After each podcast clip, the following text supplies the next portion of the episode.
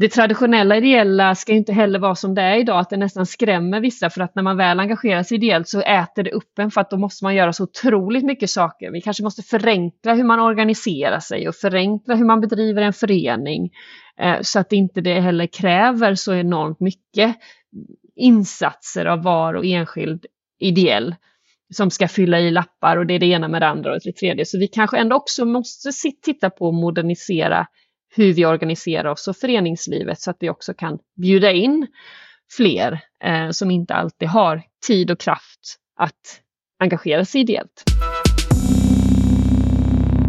Dagens gäst har varit i rampljuset i många år för sin långa idrottskarriär. Hon är en förebild för många barn och ungdomar inom olika sporter. Hennes talang och vilja har skapat framgångar och medaljer på världsscenen. Idag arbetar hon dagligen med att möjliggöra för alla barn och ungdomar i Sverige att ha möjligheten till rörelse i deras vardag. Hon heter Carolina Klyft, världsstjärna inom friidrott och verksamhetsledare för organisationen Generation Pep.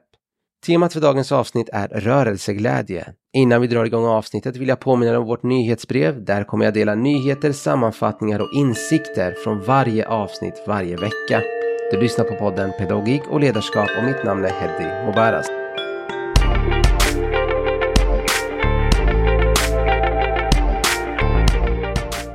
Carolina Klyft, eh, väldigt roligt att göra det här. De flesta av dem som lyssnar på det här känner igen dig från din långa friidrottskarriär. Du har haft många och stora framgångar längs vägen. Men idag arbetar du delvis som expertkommentator, men framför allt så är du verksamhetschef för organisationen Generation Pep som vi kommer i princip ägna hela det här samtalet åt. Och jag, jag själv har inte tittat jättemycket friidrott när jag var liten, men det känns som att du på något sätt har varit en del av min barndom. Så det är en, verkligen en ära att du är med här idag. Eh, och det ska bli väldigt intressant att diskutera den här PEP-rapporten. Och för de som lyssnar så har jag även använt den här PEP-rapporten i andra samtal också när jag har diskuterat rörelse. Mm. Spännande. Eh, jag... Tack för att jag får vara med. Det ska bli jättekul. Verkligen. Och jag vill börja prata om Generation Pep. Och hela mm. grundidén med organisationen är att ni vill att alla barn ska ha möj barn och ungdomar ska ha möjlighet och viljan att leva ett aktivt och hälsosamt liv.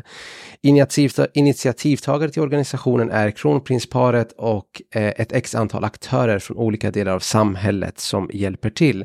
Men det, den frågan jag vill börja med att ställa är när en eh, idrottsperson som du, du har ägnat hela ditt liv åt eh, friidrott avsluta sin karriär så är det inte alltid självklart vad som händer därefter. Eh, och det som är, den intressanta frågan jag vill ställa är, var det en självklarhet för dig att gå in i generation PEP? Eller hur gick tankegångarna där innan?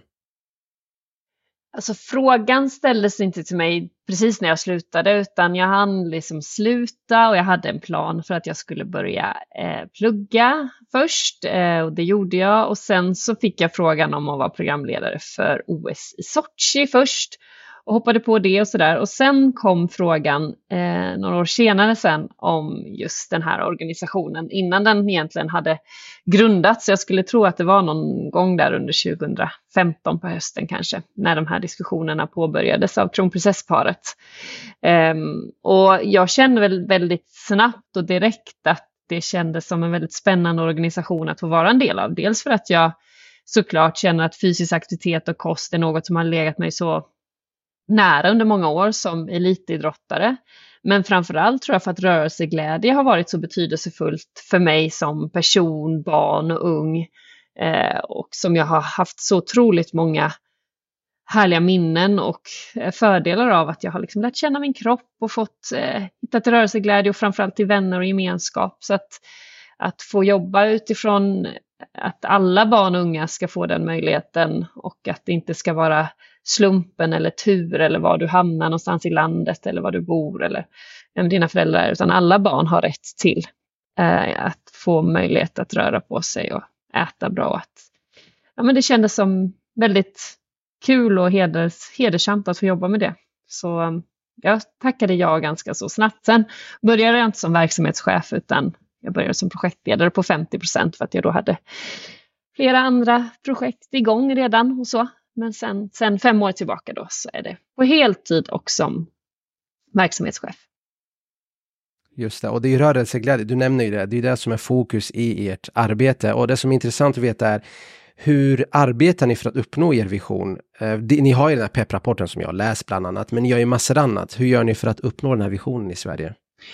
Man kan säga att vi ser oss själva lite grann som en samlande kraft och en katalysator för allt det som görs redan. Det finns ju många föreningar och förbund och personer och lärare, rektorer, förskolepedagoger och så vidare som brinner för det här och har gjort länge och, och, vi försöker egentligen visa på allt det fantastiska arbete som görs och vi försöker också komplettera där vi tror att vi skulle kunna skapa ännu mer uppmärksamhet eller få fler att göra mer. Och vi skapar också konkreta verktyg där vi tror att de skulle kunna vara till stöd för det här arbetet som man behöver göra för att ställa om en arena eller en struktur där barn och unga ska få chansen att hitta till rörelseglädje och bra kost. Och då jobbar vi väldigt mycket med, med samverkan då såklart. Det är liksom kärnan att vi samverkar med andra och får dem att göra saker. Vi kan få sådana som kanske inte har påbörjat sitt arbete att börja arbeta, men vi kan också samverka med dem som redan har gjort det här länge och också lära av dem och bli inspirerade och föra det vidare till fler. Eh, men sen också påverka samhället såklart, att påverka frågan, sätta den högre upp på agendan hos beslutsfattare runt om i samhället, både på nationell och lokal nivå eller i näringslivet eller politiken. Men också såklart sprida kunskap, se till så att alla får tillgång till kunskap och vikten av att man har kunskap om hur viktiga de här frågorna är. Men också då såklart hjälper till att stötta i konkreta verktyg och vägledning. Så här kan man jobba så att vi skapar en hållbar social förändring som inte är beroende av Generation Pep utan där vi får de här frågorna integrerat i våra strukturer så att, så att alla barn och unga får tillgång till det. Just det. Och när vi går in på rapporten senare så kommer det vara relativt mörka siffror när man ja. går igenom det. Men innan vi går in på det, jag vill veta, du har, nu sa du att du hade jobbat med det i cirka fem år, sa du? Ja, som verksamhetschef, ja. Men sen organisationen ja. grundades 2016 så har jag varit aktiv i organisationen. Så då blir min fråga, är du mer optimistisk nu än vad du var tidigare? För eh, som sagt, de här siffrorna är rätt mörka. Hur, hur tänker du kring den frågan och rörelse och Sverige? Ja, alltså att, att se problemet för vad det är är väldigt viktigt. Det går ju inte blunda för något som är en stor utmaning. Så att få siffrorna, att få se dem, ta, ta, ta till sig dem, lära sig om dem, det är väldigt viktigt. Men det löser ju inte själva frågan såklart, utan det bygger ju på att du också får eh, engagemang för frågan, att du får viljan att vilja förändra och det måste ju ske i alla möjliga olika delar av samhället. Och om jag ska titta på bara siffrorna, nej, då känns det ju rätt tungt. Sen kan man väl säga att siffrorna i och för sig har stått hyfsat still under de här åren som vi har gjort PEP-rapporten. Det har inte gjort, det har gått lite negativt på vissa delar, stått still på vissa och någon fråga har blivit lite mer positiv. Men det man kan se ändå som jag känner en optimism inför det är att frågan ändå nu mer och mer börjar tas på allvar som en, en fråga som ligger på strukturell nivå, på systemnivå där vi som samhälle måste öka handlingsutrymmet för Eh, den enskilda föräldern, individen, den barn och unga och så vidare. Att innan kanske man har tänkt mer så här, nej men det här är ju upp till föräldrarna att lösa, liksom, de får ju se till att deras barn rör på sig. Men mer och mer finns insikten om att ja, men det finns väldigt många föräldrar som vill men där det inte finns möjlighet för att det kanske inte ens finns en förening att gå till i, där jag bor. Det är för långa avstånd, det är för dyrt, det finns inte ledare. Eller inom ramen för skolan så finns det någon skola som jobbar med det här och barnen får röra på sig och få det tillgång till det medan andra skolor inte gör det för det finns ingen liksom, nationella riktlinjer riktigt. Så att det märks ändå att det finns ett växande engagemang och en växande insikt för att de här frågorna är viktiga och något vi måste prioritera om vi ska ha en, en glad och liksom välfungerande och frisk befolkning. Eh, både här och nu och sen såklart framåt. För redan nu så vet vi att tittar vi på den vuxna befolkningen så är det ju, har vi ju gått från eh, ja, liksom ganska drastiska siffror där det, det är få idag som, som har en kondition som är som är okej. Okay. Och det, det, det är ganska oroande när det, går, när det går så här fort. Verkligen, ni borde göra en pepprapport för vuxna också. Ja, Men, det finns mycket eh, studier redan. Vi har jättemycket kunskap, vi behöver bara omsätta den nu. Verkligen. Men du, du nämnde några saker där, jag måste plocka upp på dem direkt. Det, det första du sa det här med möjligheten att röra på sig. När, när jag har suttit inför den här intervjun och tänkt lite, hur ser det ut? För du är ursprungligen från Växjö, var det så? Ja, jag är, jag är inte född i Växjö, men jag har växt, från att jag var sju år så har jag växt upp utanför Växjö. Ja, och det är ju en, eh, nu testar vi mina geografikunskaper, men det är väl en medelstor stad skulle jag säga? Ja, numera är den ganska stor ändå. Jag tror de är uppemot 90-100 000 i kommunen. Just det. det är ganska stort. Eh, och sen har du ju mindre orter och sen har du Storstockholm, Göteborg och så vidare. Hur ser det ut om man tittar för barn i de här olika typerna av områden beroende på storlek? Eh, hur ser möjligheterna ut för rörelse? Min initiala fördom är att det är bättre på mindre orter. Ja, både och kan man säga. Alltså tittar vi på siffror eh, kopplat till barns ohälsa, till exempel barnfetma, så är, så är den stor eh, på landsbygden bland annat, eller i glesbygd, men också i liksom, förortsområden. Eh, och man kan säga att ungdomar, man kan tro att ungdomar eller unga människor på landsbygden inte har så mycket gemensamt med unga i en, en förort till en storstad, men de har väldigt mycket gemensamt. För båda de upplever att man kanske inte har samma möjligheter, att det finns fler hinder, men det kan vara hinder i olika skepnader. Men där också det kan vara, handla om att socioekonomi, utbildning och den här typen av frågor också gör att man har fler hinder framför sig. Och det kan, det kan faktiskt både vara runt storstäder men även ute på, på landsbygd och glesbygd. Eh, så att det finns, det, det, det är klart att de här sakerna ofta hör ihop, att geografi, utbildning, ekonomi, liksom att de tenderar att höra ihop. Men det finns de här faktorerna som som påverkar hur, hur mycket eller hur bra förutsättningar eller hur många hinder barn och unga har framför sig att vara fysiskt aktiva eller äta bra kost till exempel. Och det är tydligt både när man tittar på kosten och på fysisk aktivitet att socioekonomi eh, och ekonomi är en, en sån tydlig faktor exempelvis. Men det kan också handla om kön där pojkar redan från barnen är ganska små så ser man från sju års ålder så ser man en signifikant skillnad mellan pojkar och flickor till exempel. Du ser också i ålder, alltså ju äldre du blir desto mindre rör du på dig och att det finns någon form av där man kommer upp i tonåren och runt högstadiet så blir det en ganska stor skillnad och då också ökar ju skärmtiden enormt mycket kan man säga, vilket gör att man konkurrerar ut tid för fysisk aktivitet. Så det finns ju olika faktorer som påverkar hälsan och stillasittandet och, och, och så. Men, eh, men lite grann så spelar det roll var du bor i landet, absolut. Mm. Ja, jag har ju tidigare jobbat i Stockholm och när jag har diskuterat med vissa eh, elever som, speciellt de som har satsat på fotboll, jag blev eh, fascinerad över siffrorna. Det var jättedyrt. Alltså det var inte riktigt så dyrt när jag var, när jag var yngre. Jag tänker bara eh, fotboll, det som är så fint med fotboll är du behöver, på sommaren du behöver ingen halvtid. Det enda du behöver är benskydd, skor och sen eh, en fotboll så går det mesta att lösa men även de har börjat sticka i pris. När jag var liten så var till exempel hockey jättedyrt. Du vet, du har ishockeyhallen, du har all den här utrustningen som ska på och så vidare. Eh, men den, eh, när jag fick höra de siffrorna, speciellt i de här storlagen, det var... Man blev lite mörkrädd och jag satt och diskuterade eh, med min fru, det är ju, vi har det absolut jättebra ekonomiskt om man jämför med så här, typiskt medelklass. Men jag tänker om man hade haft tre barn och alla ska gå en dyr sport, det hade ju till och med tagit i för oss. Eh, och, och ni lyfter ju även det i rapporten det här med att ekonomin faktiskt spelar väldigt stor roll.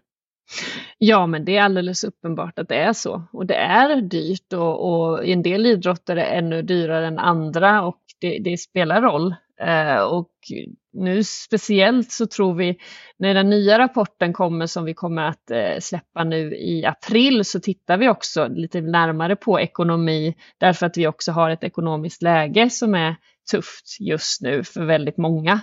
Eh, och hur det påverkar val av fritidsaktiviteter för sina barn till exempel. Eh, eller vad man väljer att handla i affären, för där vi också vet att det kan vara eh, dyrare att välja den färska frukten och grönsakerna till exempel och så. Så att det är klart att ekonomi är en faktor som, som spelar stor roll. Eh, och det, det, är inte så att vi på Generation Pep säger att vi ska göra något åt de ekonomiska skillnaderna, utan det måste ju liksom såklart våra politiker se till så att man arbetar med den typen av frågor. Men vi försöker då alldeles oavsett eh, vilken ekonomi ens föräldrar har, eller om jag har en funktionsnedsättning, eller om jag bor var jag än bor, så ska vi försöka ta bort hindren Eh, så att det ska inte spela någon roll, de förutsättningarna, utan vi måste se till så att inte fys fysisk aktivitet, rörelseglädje handlar om pengar, utan det måste finnas tillgängligt, antingen inom ramen för skolan, eller så måste man ha ett mer tillgängligt föreningsliv, eller så måste man hitta aktiviteter kanske i anslutning till skolan som man kan vara med på, som är öppet för alla. Och det finns många sådana fina initiativ där du inte behöver vara medlem, där du inte behöver anmäla dig innan, utan dyk upp, kom med, häng med oss på våra aktiviteter, men då måste man ju också såklart finansiera en sån verksamhet och att den inte ska behöva kanske då finansieras av den enskilda medlemmen eller det enskilda barnet, utan det måste vara någon annan som står för den finansieringen. Ja, och det, det, blir väldigt lätt i samhället när det kommer sådana här ideella eh, organisationer i en specifik ort att man är väldigt snabb på att hylla dem och så vidare. Men kolla vad bra det funkar här och sen bara rinner ut i sanden. Eh, jag håller helt med dig att det måste göras mycket, mycket mer och det måste vara mycket bredare initiativ för en liten ideell organisation kan bara göra så pass mycket. Eh, saker och ting kostar pengar, personal kostar pengar och så vidare och där behöver man helt klart stötta upp. Eh, men jag tänker vi kan gå in på just Generation Pep och eh, för de som inte har läst den så har den väldigt bra sammanfattning och går igenom den här kopplingen mellan fysisk rörelse och fysisk aktivitet och eh, psykisk ohälsa. Mm. Eh, så rekommenderas starkt för er som inte har läst den. Och jag kommer ta upp vissa saker från den här rapporten som jag tycker vi kan diskutera. Eh, det första är ju, ni eh, rabblar upp olika, vad ni kallar friskfaktorer mm. eh, mot ångest och depression. Och det första är ju såklart fysisk aktivitet. Du nämnde det lite snabbt här, eh, att två av tio barn når inte rekommendationerna kring fysisk aktivitet och du sa förut att den siffran har varit typ samma sedan ni startade. Men det finns en sak som är eh, oroväckande, det är att tonårstjejerna är den grupp som faktiskt sticker ut rätt mycket, är att 91 procent når inte upp till de rekommenderade till rekommendationen för det här med fysisk rörelse. Mm. Vad tänker du kring en sån här data? Nej, det är varenda gång jag ser siffrorna, och det är ju så lätt att vi ser siffror och så, så går det inte riktigt in.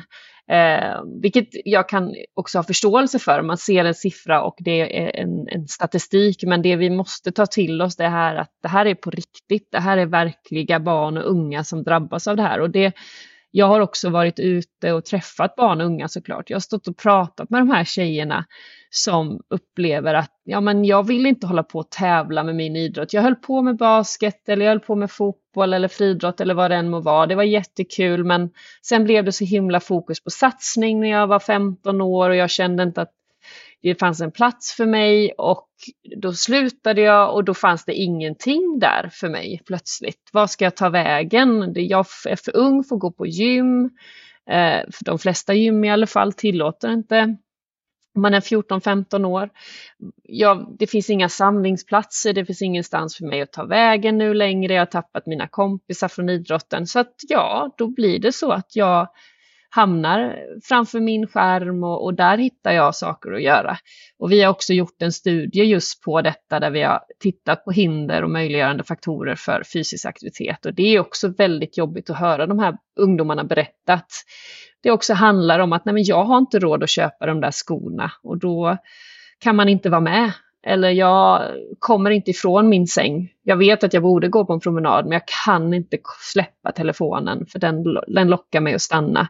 Eller jag, vadå en promenad är väl inte fysisk aktivitet, då måste man väl träna hårt. Att det också finns den uppfattningen. Så det är ju både de här förutsättningarna men också normerna vi har skapat kring fysisk aktivitet. Och här sitter jag då som gammal elitidrottare och kan man tänka liksom att jaha, vad sänder det för signaler? Men jag försöker verkligen och jag tror många förknippar ändå med min idrottskarriär med väldigt mycket glädje. Att, att fysisk aktivitet ska vara glädjefullt och inte behöver vara handla om tävling och att man måste röra sig utifrån det man själv tycker är kul och hitta, hitta de saker som känns lätt och, och kul och tillgängligt för mig. Och att det finns ingenting som säger att du måste träna stenhårt och, och vara en träningsperson för att vara fysiskt aktiv, utan du kan hitta det i din vardag, i vardagsrörelsen. Så. så när jag ser siffrorna så, så blir jag arg. Jag tycker det är pinsamt faktiskt. Jag tycker det är en skam för Sverige som är ett, liksom, ett land som är välutvecklat och har en, en, en bra välfärd i grund, men som fullständigt misslyckas med att leva upp till eh, barn och ungas rätt till bästa möjliga hälsa. Där det inte liksom, att man inte hittar sätt att se till så att alla barn och unga får, får den här möjligheten. Det är, det är för dåligt. Det är, och det är jätteoroliga siffror för framtiden. Givetvis, vi ser redan nu hur det ser ut. Det kommer bli ännu värre i framtiden om den här generationen växer upp utan att ha en relation till sin kropp och till fysisk aktivitet och rörelse. Verkligen, och jag vill berätta en liten eh, historia som jag fick höra nyligen. Det var en bekant till mig som, eh, som jag vet är fotbollstränare för sin dotter. Eh, och egentligen kön spelar inte så jättestor roll här, men den är ändå viktig tycker jag i och med att jag tog upp den här eh, Eh, det här med att 91% inte rör på sig. Just det här, speciellt när de blir lite äldre. Eh, jag vill ju vara eh, fotbollstränare för min dotter i framtiden om hon skulle vilja spela fotboll. Eh, och då frågade jag så här hur det gick och då sa nej men alltså min dotter har, eh, vill lägga av för att nu börjar skolan bli lite seriös och orkar inte fyra träningar i veckan, tre eller fyra träningar i veckan, pass i veckan. Och jag som vuxen ser ju det här, speciellt som lärare, att det är ju precis vad du behöver. Alltså om du ska kunna prestera i skolan, det här är precis vad du behöver. Fyra pass i veckan är inte ens mycket. Och det finns någon, eh, någon idé om det här med att ju mer tid jag har, desto bättre kommer jag prestera. Men det är helt tvärtom. Det är den där effektiva tiden där du faktiskt är fokuserad och kan tänka. Och eh, så att det var fler i den gruppen som faktiskt kommer lägga av på grund av att man ska söka till gymnasiet och skolan blir lite mer seriös. Jag tror precis som du säger att det blir lite seriöst när man kommer lite högre upp och det blir många som blir skrämda av eh, just den här seriositeten. Sen vet inte jag hur det är i andra länder. Jag har för mig att de till och med blir lite seriösa snabbare än vad Sverige blir i, mm. när det gäller idrott. Men hur, hur kan vi komma tillbaka till det här att det behöver inte vara så seriöst. Vi kan bara fokusera på rörelseglädjen och att det kan ge effekt på andra sätt i ditt liv. Alltså för mig så tror jag att det handlar väldigt mycket om ledarskap. Eh, liksom hur man, och det är inte bara ledarskapet i själva träningsgruppen som givetvis är enormt viktigt när du möter de här unga Eh, personerna men också vad du har för ledarskap i hela föreningen, vad man har för grundvärderingar i föreningen, hur man ser till att hitta träningsgrupper och ledare som också ser att man kan ge utrymme för de där som tycker att det är kul att hänga med kompisar, träna för att det är härligt men inte är så tävlingsinriktade. Och samtidigt finns utrymme för dem som vill utmana sig själva hela tiden och vill tävla lite mer. Och det där är kanske klurigare i en lagidrott än vad det är i en individuell idrott, men jag vill ändå hävda att det är möjligt. Men, men vi har egentligen brist tror jag, på både ledare och ibland också på lokaler för att skapa träningsgrupper som har olika syften. Och också att kombinera mycket mer eh, den här glädjen med de som vill tävla. För det är klart att jag är ju själv en person som älskade att tävla, men, men jag har ju alltid tränat även när jag var bäst i världen så tränade jag ju med, med träningskamrater som inte ens tävlade utan som tränade ett par gånger i veckan. Och då visste jag att de var på de träningarna och vi hade jättekul ihop och jag satsade på att bli bäst i världen. De ville vara där och träna för att det var skönt och, och gemenskapen och så vidare. Och det funkade alldeles utmärkt så länge man vet liksom, hur man ska vara mot varandra, att vi respekterar varandra och våra olika målsättningar och våra olika drivkrafter. Ehm, så att jag tror absolut att det handlar väldigt mycket om ledarskap och värdegrund och så vidare. Men sen handlar det om ett generellt samhällsproblem också givetvis. Att, att vi, vi, ehm, vi som har tappat kanske de här grundläggande kraven att vi gör vårt bästa och att vi anstränger oss och att vi ställer upp för varandra och så vidare. Men däremot kanske vi har sett alldeles för höga krav när det gäller på resultat och att man ska leverera. Och det gäller både skolan och idrott och annat. Att, att vi liksom har fokuserat så väldigt mycket på resultatet och inte på ambitionen och insatsen. Vilket gör att jag tror att många unga känner sig pressade från andra, alla håll och kanter. Och då vill man då pallar man liksom inte att ha det på alla fronter på något sätt. Jag vet inte om jag själv hade gjort det. Eh, men för mig blev det väldigt mycket att idrotten, absolut, den var seriös, men det var också väldigt mycket glädje och gemenskap. Och, Eh, sen kunde jag inte göra allt. Nej, och det tror jag unga måste förstå att du kan inte hinna med alla saker på en och samma gång, utan du får kanske prioritera lite beroende på vad du, eh, vad du behöver och vad du mår bra av. Och eh, jag har inte hunnit med kanske allt det där som innan jag gick på gymnasiet så kanske inte jag var ute på fest så mycket. Jag hade inte jättemycket i tid alltid till att hänga med kompisar på fritiden som, som gick i min klass, utan jag var inte med på så mycket sånt. Men jag hade mina kompisar på idrotten istället. Så tränade jag och där fick jag min gemenskap. Och sen så pluggade jag och skötte skolan. Och sen så kanske det inte fanns tid för så mycket mer just under den perioden. Men sen kom ju viloperioder eller så när man kunde prioritera annorlunda. Så det handlar också om att man inte man kan inte vara bäst på allt, man kan inte vara med på allt och att man måste, eh, vi måste liksom ändra kanske lite den normen också. Ja, och det är många vuxna som har problem med det där också, att man ja. ska kunna ha karriär, familjeliv och det ena och det andra. Så det här är ingenting nytt eller som kommer stanna där. Eh, men det tråkiga här är ju, och då ni refererar ju till den här andra rapporten som är Mind, och här kommer den stora skillnaden mellan pojkar och flickor speciellt.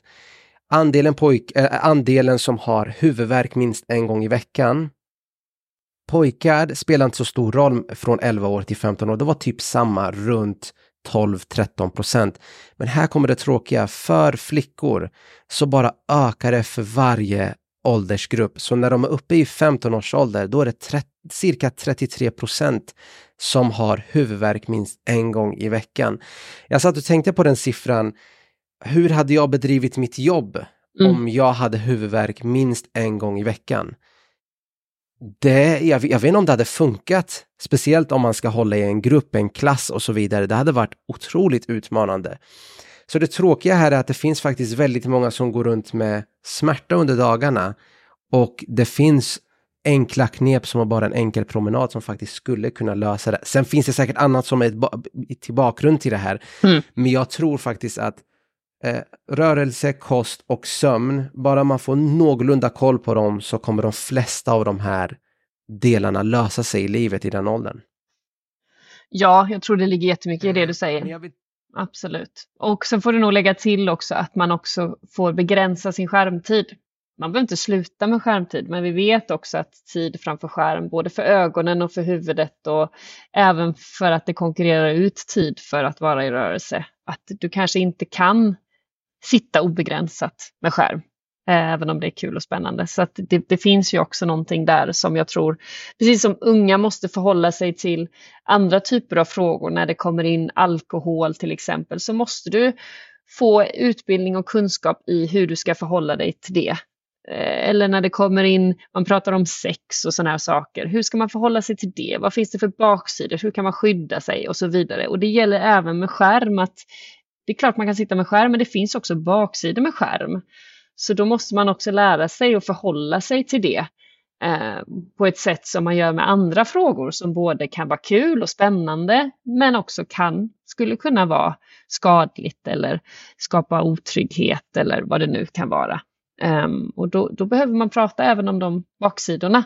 Men med skärm upplever jag ibland att, ja, i alla fall tidigare så har det liksom varit, det är så nytt så man har bara släppt på allting med fulla spjäll. Nu tycker jag att man ändå börjar liksom, det kommer mer och mer forskning på unga och psykisk hälsa och fysisk aktivitet och sådär. Så man börjar ju också se liksom att vi kanske inte bara kan eh, som köra på, utan vi kanske behöver ändå diskutera och prata om eventuella baksidor.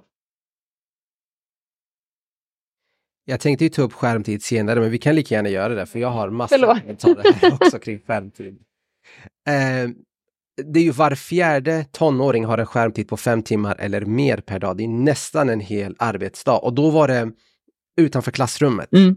Eh, det var inte ens i klassrummet räknades inte och där har de skärm också. Eh, och vi pratade om huvudvärk precis, men, eller andra fysiska besvär. I en brittisk studie så var det väldigt tydligt med att frekvent användning av sociala medier och depression Alltså kopplingen var jättestark, speciellt för tonårstjejer. För de kom fram till att den sociala jämförelsen är så tydlig där. Eh, att man jämför sig med andra runt omkring sig. Och det står så här, andelen barn som har känt sig nere oftare än en gång i veckan. Och där ser vi också flickor 41 procent medan pojkar var 18 procent. Det är ju jättestora skillnader här. Mm. Och jag håller helt med i det här med hur man ska skydda sig. Eh, och det ena, det andra du sa att man har bara släppt på. Tyvärr så har alltså viss generation har blivit som ett exper socialt experiment i allt det här, för allt kom så himla snabbt mm. in i vår värld. Men bara för att eh, göra det lite mer komplicerat, alltså vuxna har ju minst lika mycket problem med det här med skärmtid. Nu när jag bara senast var min dotter i, eh, i biblioteket, eh, stadsbiblioteket, så var det minst tre föräldrar vars barn bara sprang runt och de satt bara på sin mobil. Mm.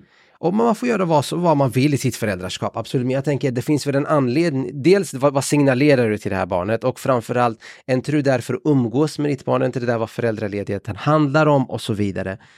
Så vi vuxna har inte varit jättebra förebilder i den här frågan heller. Och man har ju tidigare haft det här, du vet skämtet, iPaden är din barnvakt och så vidare. Men som du sa, det är bara nu på senare tid man börjar komma med så här, innan två år, ingen skärm överhuvudtaget. Men det fanns ju inte för några år sedan, utan då körde man ju bara på. Och det är nu vi börjar se de här effekterna och det är det ni tar upp i de här rapporterna. Ja, precis. Och det är ju Alltså, det är ju svårt för oss alla och vi vet ju också att det finns eh, mekanismer i telefonen som är styrda på ett sådant sätt att vi ska, eh, det, det, är ju, det handlar om hjärnan och hur man eh, dopaminet och andra sådana här belöningssystemet sätter igång och då vill du vara kvar. Alltså, så det finns ju mekanismer i den här telefonen som gör att vi fastnar. Ehm, så det, är ju, det är ju inte helt enkelt att bryta för någon, utan, men det kräver ju att man har en medvetenhet kring det och att man kanske har en gemensam mediaplan inom familjen som gäller både vuxna och barn som man tillsammans kommer överens om, om det handlar om att man lägger undan telefonen när vi äter och det gäller både vuxna och barn, att man har vissa skärmfria stunder eller tidsperioder under dagen tillsammans och så vidare. Det gäller ju att det här inte bara gäller barnen utan att det, precis som du säger också behöver signalera att, att vuxna kan lägga undan. Och det är ju fascinerande hur snabbt sånt här har förändrats. Jag tänker på när jag själv var liten då, nu, nu är min dotter nio år och hon har ingen telefon eller några sociala medier, men säger att hon kommer ju liksom, hon har ju redan nu nämnt det och, jag, och vi säger nej, men men säg om några år när det är svårt att liksom säga, fortsätta säga nej. När jag var 12-13 år, då hade jag ju några personer runt omkring mig. Det var ju de kanske jag hade på friidrotten, några, några, stycken där och så var det några stycken i skolan kanske som man hade. Och det var ju de som man egentligen umgicks med, jämförde sig med eventuellt och skulle hantera konflikter med och så vidare. Och nu för de här unga så har ju liksom informationsflödet, vad de får in i huvudet, ökat något enormt med de här sociala medierna, men också grupperingen, den sociala gruppen har ju växt något enormt, så du har ju så många fler att jämföra det med att lära känna, för även om du inte känner en influencer eller någon på sociala medier personligen så skapar du en relation med den personen. Och det blir så enormt många fler, vilket måste, det, det, det kan ju inte vara det måste vara stressande för en ung människa som inte ännu kanske har landat sin självkänsla, som känner sig otrygg och att man hela tiden blir så här, oh, nej men nu ska man vara si eller nu ska man vara så eller nu tycker den det och hur ska man liksom i det kunna navigera sin, sin egen självkänsla och bli trygg med den man är utan att hela tiden jämföra sig med andra. Det är ju en utmaning definitivt som oh, det känns ibland lite så här, det här är en sån här fråga som jag ibland kan känna lite så här, liksom, det går ju inte att stoppa teknikens utveckling och det tycker jag ju inte heller, men hur ska vi liksom skapa den här hållbara eh, förhållningssättet till, till skärm och sociala medier så att, så att vi inte skapar ett monster av psykisk ohälsa där vi redan nu ser att det växer. Det känns faktiskt riktigt tungt tycker jag. Ja, nu har jag jättemånga kommentarer på allt du sa, men vi, vi börjar med det första. Du sa att det, det finns inbyggda mekanismer. Ja, och det är ju, blir ju tydligt. De här sociala medieföretagen har ju teamat upp sig. De gjorde det redan när de kom igång med olika kasinon. Så hur får man människor att stanna på olika kasinon om man använder samma mekanismer i telefonen för att få dig eh, stanna kvar? Sen nämnde du det här med din dotter och eh, telefonen pressen kommer ju bara öka på er. Och det, det jobbiga här är ju sakta men säkert, hon var nio men snart kommer fler och fler klasskamrater få telefonen. Ja, det är ju redan så. Det bli ännu tuffare. Precis, det kommer bli ännu tuffare för er att stå emot. Och det, det jobbiga här är dagens föräldrar, jag är lika skyldig till det här. Vi är så behov av information hela tiden. Var, var, din, eh, var din dotter eller son är, vad den gör, vem den är med, vem den pratar. Och så, man vill hela tiden veta. Och man, det här kan man till och med se i skolans värld. De vill hela tiden ha bedömningar, hur går det, hela, du vet hela vägen. När jag var liten, man fick ett betyg, det var inte så mycket mer än så. Och man var nöjd så. Eh, så där finns ett behov hos föräldrar att man vill ständigt, ständigt veta var ens barn är och vem de umgår, umgås med. Men nackdelen vad man inte tänker på är ju som du sa att den sociala gruppen ökar och det blir mer komplicerat faktiskt när de får de här smarta telefonerna. Och jag förstår många föräldrar som inte orkar fighten. Mm. Jag har full förståelse för det, för efter ett tag blir det exkluderande att inte ha den där telefonen. Och även det kan generera någon form av psykisk ohälsa för att man är helt utanför nu helt plötsligt. Jag har inte koll på trenderna och jag har inte koll på vad mina kompisar pratar om och så vidare. Så det är också en, ett stort hinder och, eh, för föräldrar idag att handskas med faktiskt. Även om man har goda intentioner och att man inte vill att barnen ska ha eh, sociala medier så någonstans måste man ge sig mm. längs vägen. Ja, visst är det så. Så är det ju och det är eh, otroligt svår balansgång eh, som jag har full förståelse för eftersom jag är precis i samma och på väg in i det.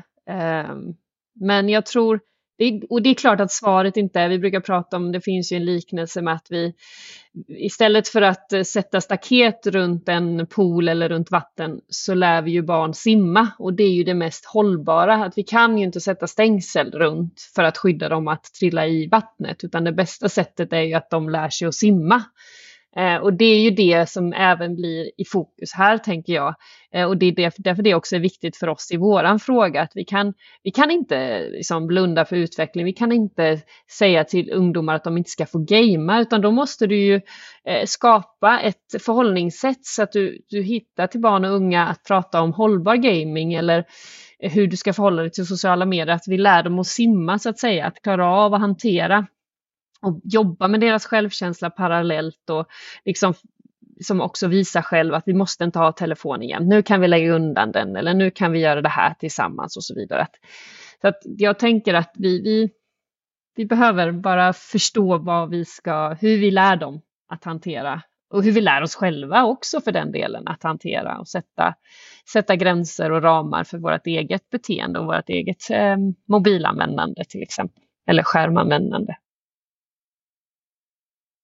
Verkligen, och, och, du nämnde ju tidigare det här med sex och samlevnad, att man ska lära barnen du vet, hur man skyddar sig och så vidare, att man ska dra paralleller till eh, mobil, eh, mobilanvändandet. Och vi vet ju att säga till barn, ha inte sex, det funkar ju inte. Och det är ju precis på samma sätt här egentligen, alltså, det finns väldigt tydliga paralleller att som du säger, man ska ha eh, skyddet i barnet, alltså murarna ska finnas i hjärnan och inte runt omkring det, för förr eller senare så måste, för det, barnet kommer ju snart komma ut i en värld som ändå är djupt digitaliserad. Mm.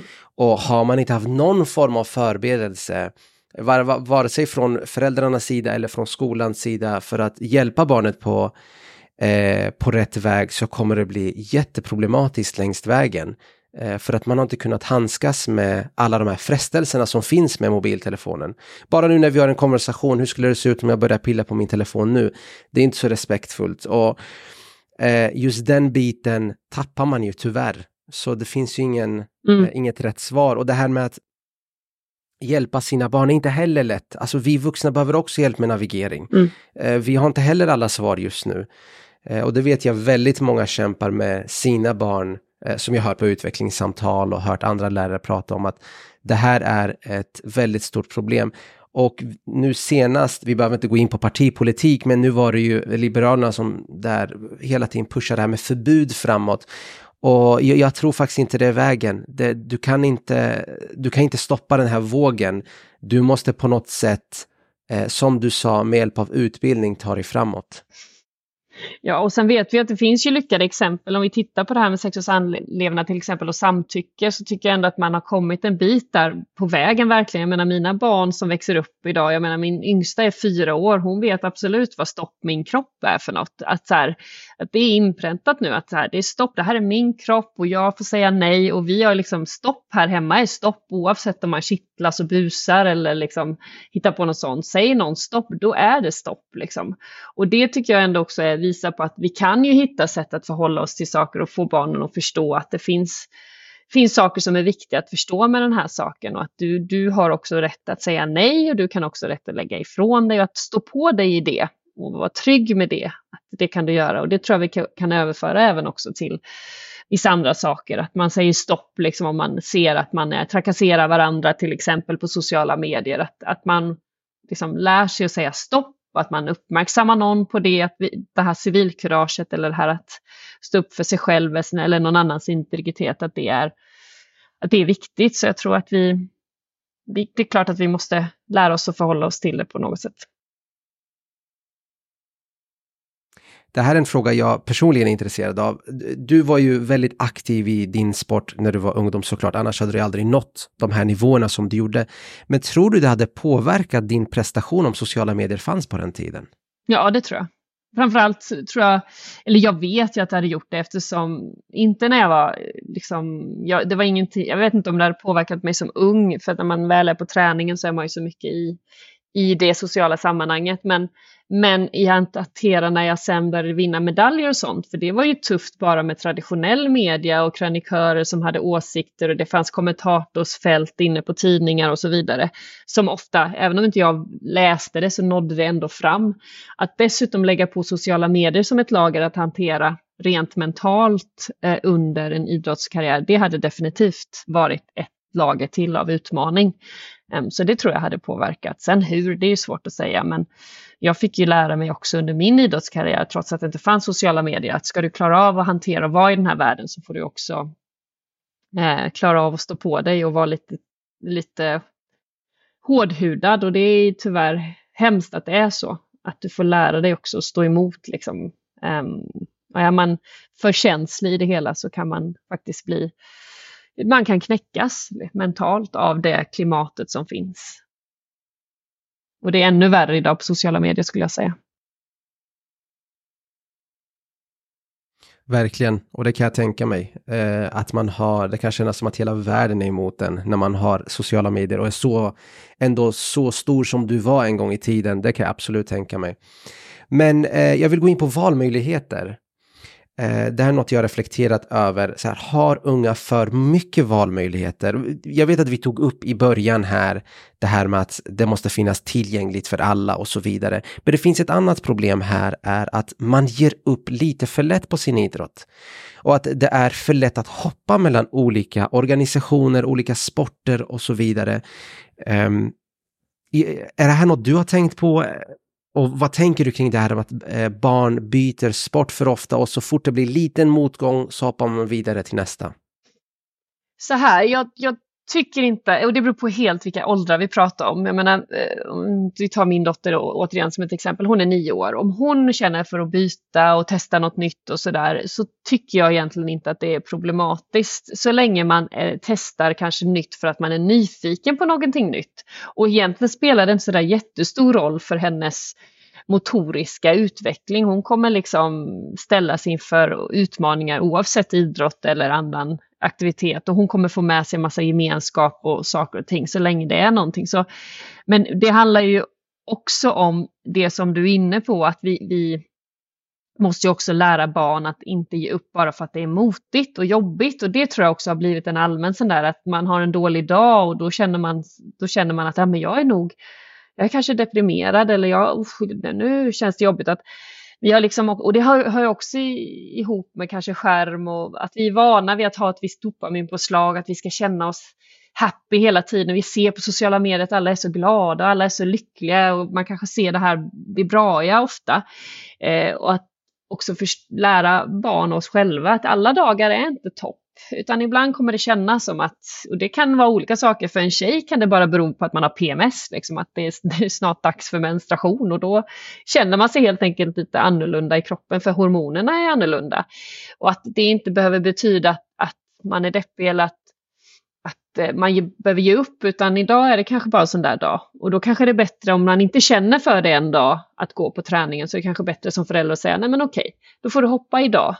Eh, sen kan man inte fortsätta så, för det kommer ju ledare dit och så vidare, men men är det så att du känner varje gång att det inte är kul, ja men byt då till någonting som är, som är roligare. Men, så det är både, tycker jag, att skapa en, en liksom jobba med inställning och förstå att men allt är inte alltid på topp. Alla träningar är inte alltid roliga. Ibland är det jobbigt, men så är livet också, så då måste man kanske ta sig an den utmaningen idag och kämpa sig igenom den här dagen och inte bara ge upp.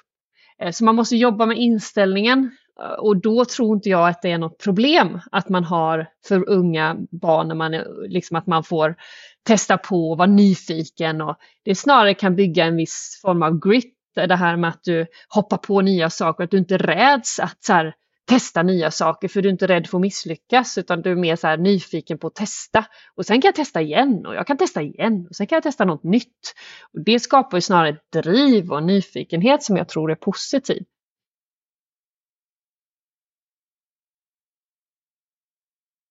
Fint perspektiv. Eh, det var inte riktigt så jag hade tänkt, men jag, jag köper det du säger, absolut. Eh, jag tänkte lite mer högre upp i åldrarna, men jag tycker det är ett väldigt rimligt resonemang som du för. Ehm, jag vill prata lite snabbt bara om mindre orter. Jag har eh, på senare tid sett flera mindre orter med så här rik föreningsliv och jag vill bara lyfta sådana orter där det finns så mycket eh, ideellt engagerade människor. Och jag är, eh, utan något bevis, jag är rädd att vi förlorar sådana människor längs vägen här i Sverige. Jag tänker bara själv när jag spelade fotboll, det fanns ett x antal människor som var ideellt aktiva i föreningar, alltså ingen vinning. Man reflekterar inte som barn, men nu när man är vuxen, man har eget liv, man har så mycket grejer som händer runt omkring och att de här människorna faktiskt tar sin fritid och engagerar sig för bara för att barn ska få möjlighet att röra på sig är så otroligt fint. Och jag tycker vi i samhället hyllar de här människorna för tok för lite. Och jag kan tänka mig att du har mött en och annan sån själ i din, eh, i din karriär som har varit en pelare för dig längst vägen.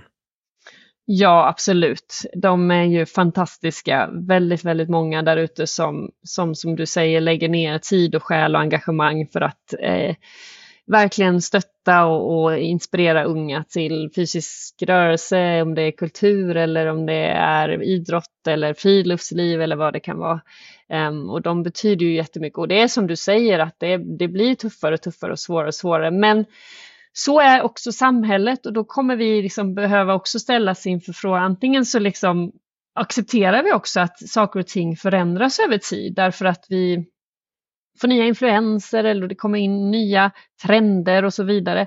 Och då kanske vi kan ändå fortsätta behålla den här kärnan och det fina med det ideella som du säger och fortsätta pusha det och fortsätta liksom eh, höja dem och ge dem cred och beröm och det de verkligen förtjänar. Och så, och vi kommer inte klara oss utan ideellt engagemang, så är det ju. Så vi kommer ju behöva fortsätta verkligen visa på det avgörande att folk engagerar sig. Men sen kommer vi också behöva eh, kanske bredda perspektiven för att det finns ju Eh, ensamstående som kanske inte kan ge så mycket av sin ideella tid, som inte som förälder kan engagera sig. Man kanske har flera barn och man kan inte engagera sig i alla barns fritidsaktiviteter. Eh, och då kommer vi kanske behöva också öppna upp för ett annat typ av stöd och engagemang där det, där det är också okej okay att inte alltid bidra med sin tid eller eh, sina pengar utan att man kanske kan bidra på, på andra sätt eh, eller att man får hjälpas åt. Så att det traditionella ideella ska inte heller vara som det är idag, att det nästan skrämmer vissa för att när man väl engagerar sig ideellt så äter det upp en för att då måste man göra så otroligt mycket saker. Vi kanske måste förenkla hur man organiserar sig och förenkla hur man bedriver en förening eh, så att inte det heller kräver så enormt mycket insatser av var och enskild ideell som ska fylla i lappar och det är det ena med det andra och det tredje. Så vi kanske ändå också måste titta på att modernisera hur vi organiserar oss och föreningslivet så att vi också kan bjuda in fler eh, som inte alltid har tid och kraft att engagera sig ideellt. Jag vill avsluta det här samtalet med eh, att fråga vad ni har på gång 2024. Men närmast till hands eh, kommer vi ju definitivt släppa en pepprapport till. Eh, då den kommer här i april någon gång och eh, vi kommer också innan dess ha Eh, nu ska vi släppa på lite fler kommuner i ett av våra pilotprojekt. Vi jobbar vidare med skolan, förskolan. Vi har ett verktyg för barnhälsovården som sprids ännu mer. Det kommer ett nytt nu för tandvården. Så det händer väldigt, väldigt mycket saker. Vi släpper en ny webbutbildning som kommer kunna användas av barn och unga direkt ute i skolorna. Eh, så det händer massa olika saker just nu inom den här frågan, vilket är också väldigt positivt. Det finns ett stort engagemang, det finns ett sug Eh, och vi hoppas att vi är på någon form av resa där vi eh, det känns lite som att vi drar ett liksom, tungt stenblock som knappt rör sig framåt såklart när vi ser de här siffrorna. Men ju mer vi drar i det här och ju fler vi är som drar, desto mer kraft kommer ackumuleras in i det här eh, liksom repet som drar och till slut så kommer vi få med oss och förflytta den här frågan. Det är jag helt övertygad om. Men då behöver vi kroka arm och alla behöver bidra på något sätt utifrån sina egna förutsättningar. Verkligen. Generation Pepp behövs, du behövs Carolina och det var jättefint samtal, lärde mig som vanligt nytt. Eh, jag ser fram emot er pepprapport som jag kommer nog läsa varje år nu, för jag är så imponerad av den.